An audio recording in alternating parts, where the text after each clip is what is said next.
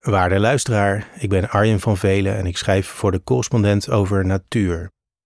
Onlangs sprak ik twee mensen die die natuur een beetje schoner willen maken. Joop Keesmaat en Kees van der Hel uit Sliedrecht. Twee zeer onwaarschijnlijke milieuactivisten. Al 200 zaterdagen op rij protesteren ze bij de Geemoersfabriek in Dordrecht, omdat ze vinden: wie troep maakt, moet troep opruimen. Als er een prijs zou bestaan voor het meest vredelievende protest tegen het allersmerigste onrecht, dan verdient de Sliedrechtse actiegroep Gezondheid voor Alles op zijn minst een nominatie. Iedere zaterdagochtend steken deze betogers de rivier de Beneden Merwede over. Achter op de fiets of in de achterbak van hun auto nemen ze emmertjes vervuilde grond uit Sliedrecht mee. Die emmertjes kieperen ze leeg voor de poort van de Gemoersfabriek in Dordrecht, die verantwoordelijk is voor de vervuiling. Dit wekelijkse ritueel voltrekt zich nu al jaren. De activisten schreeuwen niet, blokkeren geen snelwegen, steken al helemaal geen hooimalen in de fik. Ze beschouwen de politie als hun beste vriend. Maar fel zijn ze wel, en vooral volhardend. Deze maand staken ze voor de 200ste keer de rivier over. Alleen al daarom verdienen ze een prijs, al hoeven de oprichters van Gezondheid voor Alles zelf niet zo nodig in het zonnetje te worden gezet.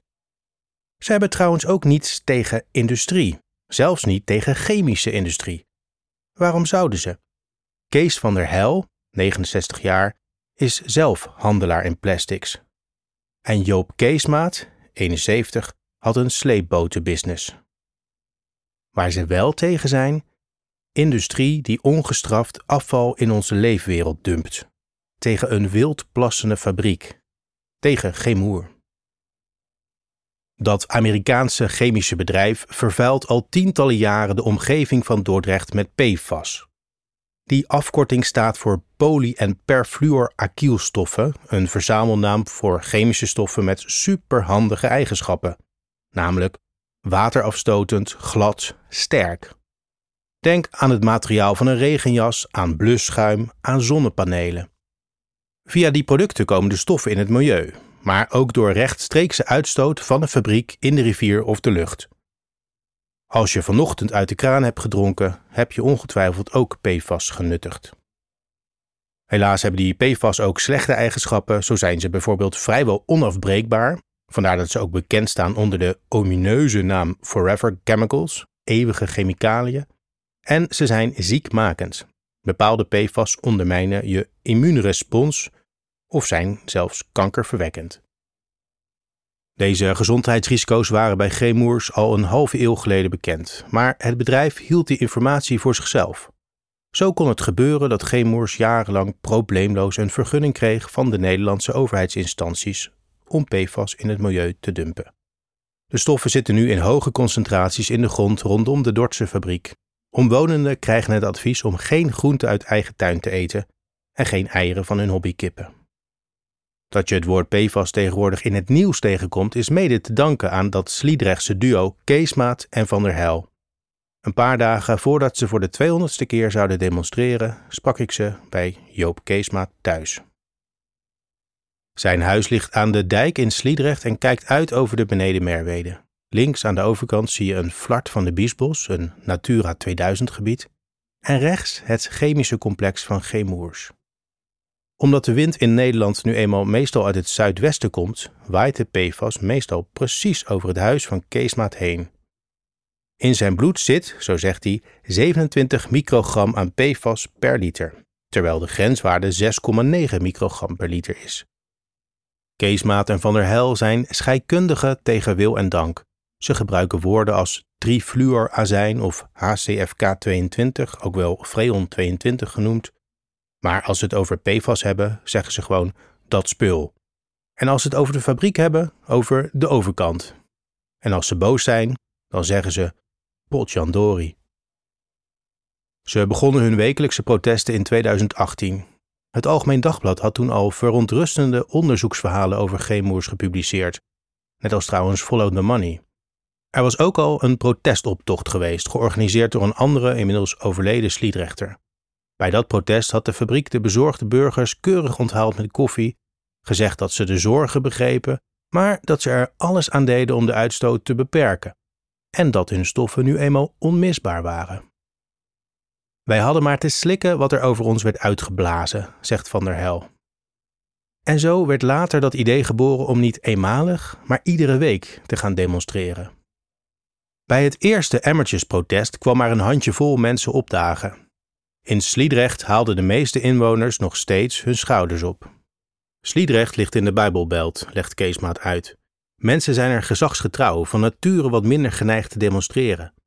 Daar lopen die gekken weer, klonk het in de gemeente. Van der Hel zegt: Wij waren die roeptoeters, die wappies, die idioten. De mensen zeiden: Denk je echt dat je tegen die gigant kunt opnemen? Je bent stapelgek. Of ze waren bang dat de protesten hun banen in gevaar brachten. Rot even op, je zit aan mijn eten.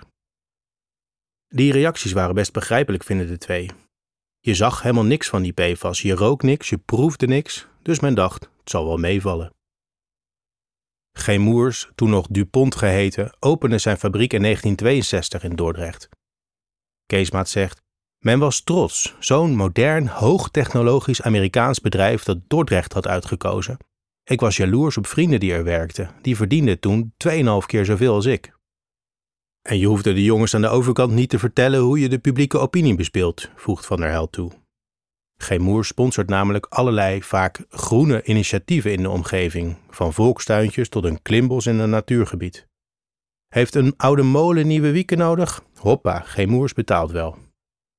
Maar ja, dachten Keesmaat en Van der Hel, wat heb je daar allemaal aan als je ziek wordt?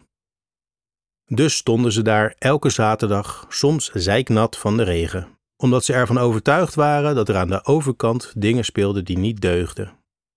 En als onze kinderen of kleinkinderen later vragen wat wij er tegen hebben gedaan, zegt Van der Hel, dan kunnen we zeggen: Nou, dit. Keesmaat had nog een extra motivatie. Enkele jaren geleden overleed zijn vrouw aan baarmoederkanker. Later hoorde hij dat ook die kanker in verband gebracht werd met PFAS. Ja, dat kwam wel even binnen, zegt hij.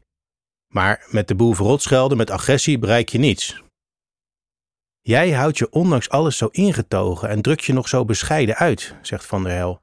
Maar ik kan niet achter je luikjes kijken, hè? Keesmaat zegt: Ik houd ze ook wel eens dicht hoor. Er waren heus dagen dat ik de schilderijen van de muur af heb staan vloeken, uit onmacht. Maar dat lijkt me normaal als je iemand verliest. Wat hen ook motiveerde, gaandeweg kantelde de publieke opinie. Ze waren eerst een stel zielige oude mannetjes, zegt Keesmaat over dat eerste protest in 2018. Zo zielig dat het lokale suffertje kwam kijken. Maar mede dankzij die lokale krant groeide de onrust. In de supermarkt kregen de activisten opeens reacties als: Jongens, wat goed dat jullie dit doen. Wat ook hielp, was de vertoning van de film Dark Waters in Dordrecht. Over de strijd van een milieuadvocaat tegen een vergelijkbare PFAS-fabriek in de Verenigde Staten.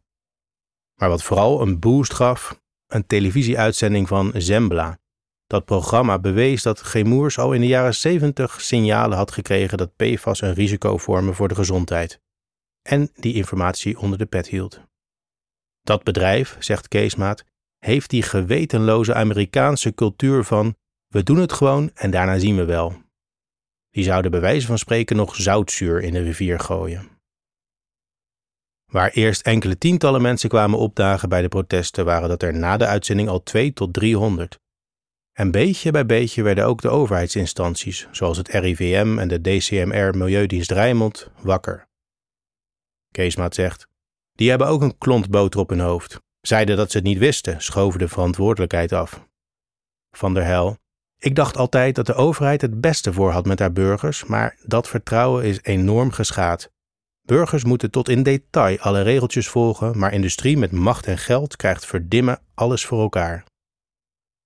Inmiddels zien Keesmaat en Van der Hel wel een omslag bij de controlerende instanties en de politiek, namelijk dat niet langer de economie, maar de gezondheid op één staat.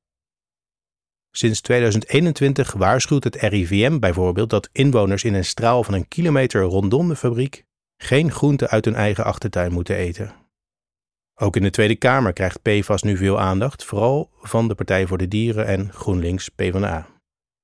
Drinkwaterbedrijven eisen nu dat de provincie Zuid-Holland de vergunning voor Gemoers intrekt. En de Drechtsteden begonnen een zaak tegen Gemoers waarin ze onder meer eisen dat het bedrijf zou opdraaien voor de schade.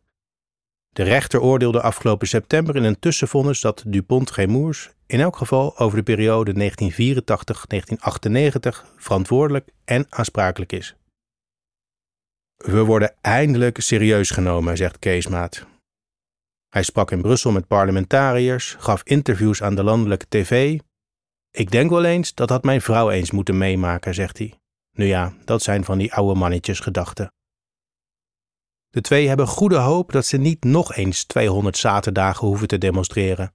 Maar intussen is er genoeg aanleiding om door te blijven gaan. Zo proberen ze leidinggevenden van Gemoers persoonlijk aansprakelijk te stellen. Ze willen dat er snuffelpalen bij de fabriek komen die permanent controleren op overtredingen en dat er veel meer watermonsters worden genomen.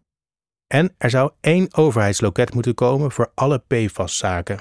Want momenteel is de controle en ook de expertise versnipperd over allerlei instanties, van het RIVM en Rijkswaterstaat tot de Milieudienst. Maar wat ze vooral willen, de pijp moet dicht. De twee laten zich niet uit koers brengen door deskundigen die zeggen dat de gezondheidsschade voor PFAS meevalt en dat het verband met kanker niet bewezen is. Er staan genoeg onderzoeken tegenover die wel op gezondheidsschade wijzen, zeggen ze. En toxicologie is nu eenmaal geen keiharde wetenschap. Het is vreselijk lastig om een verband aan te tonen tussen ziekte en bepaalde stoffen in de omgeving. Wat intussen buiten kijf staat, wie troep maakt, moet troep opruimen. Als burger mag je het milieu niet belasten en dat is zo terecht, zegt Van der Hel. Maar als Jantje, Pietje en Klaasje niet mogen vervuilen, waarom Douw, Gemoers of Bas F dan wel? We krijgen maar één leven, één wereld, één natuur. Een paar dagen later, bij het 200ste protest, is er landelijke en internationale pers en zelfs een beroemdheid als IC-arts Diederik Gommers, die in de buurt woont. Het is veel drukker dan normaal, honderden demonstranten. Maar, zegt Keesmaat, gelukkig niet te druk. Dat zou maar gedoe kunnen geven. Daar houden ze niet van. De twee activisten krijgen een bos bloemen. Iemand noemt hen in een toespraak ridders van de rivier. Ze kijken naar de grond. Daarna kiepen ze zoals elke zaterdag hun emmers leeg. Waarna, als iedereen weer vertrokken is, medewerkers van Gemoers de gifgrond weer zullen opscheppen, om die, zoals iedere zaterdag, te storten in een plantsoentje naast het hek. De correspondent bestaat tien jaar. Al tien jaar maken wij journalistiek voor beide waan van de dag. Journalistiek die niet polariseert, maar perspectief biedt die geen ophef najaagt, maar oplossingen zoekt. Wist je dat de correspondent 100% door leden wordt gefinancierd? Dat betekent dat we ons werk alleen kunnen doen als luisteraars zoals jij ons steunen. Word vandaag nog lid. En draag bij aan diepgravende, advertentievrije en onafhankelijke journalistiek. Ga naar decorrespondent.nl en word lid.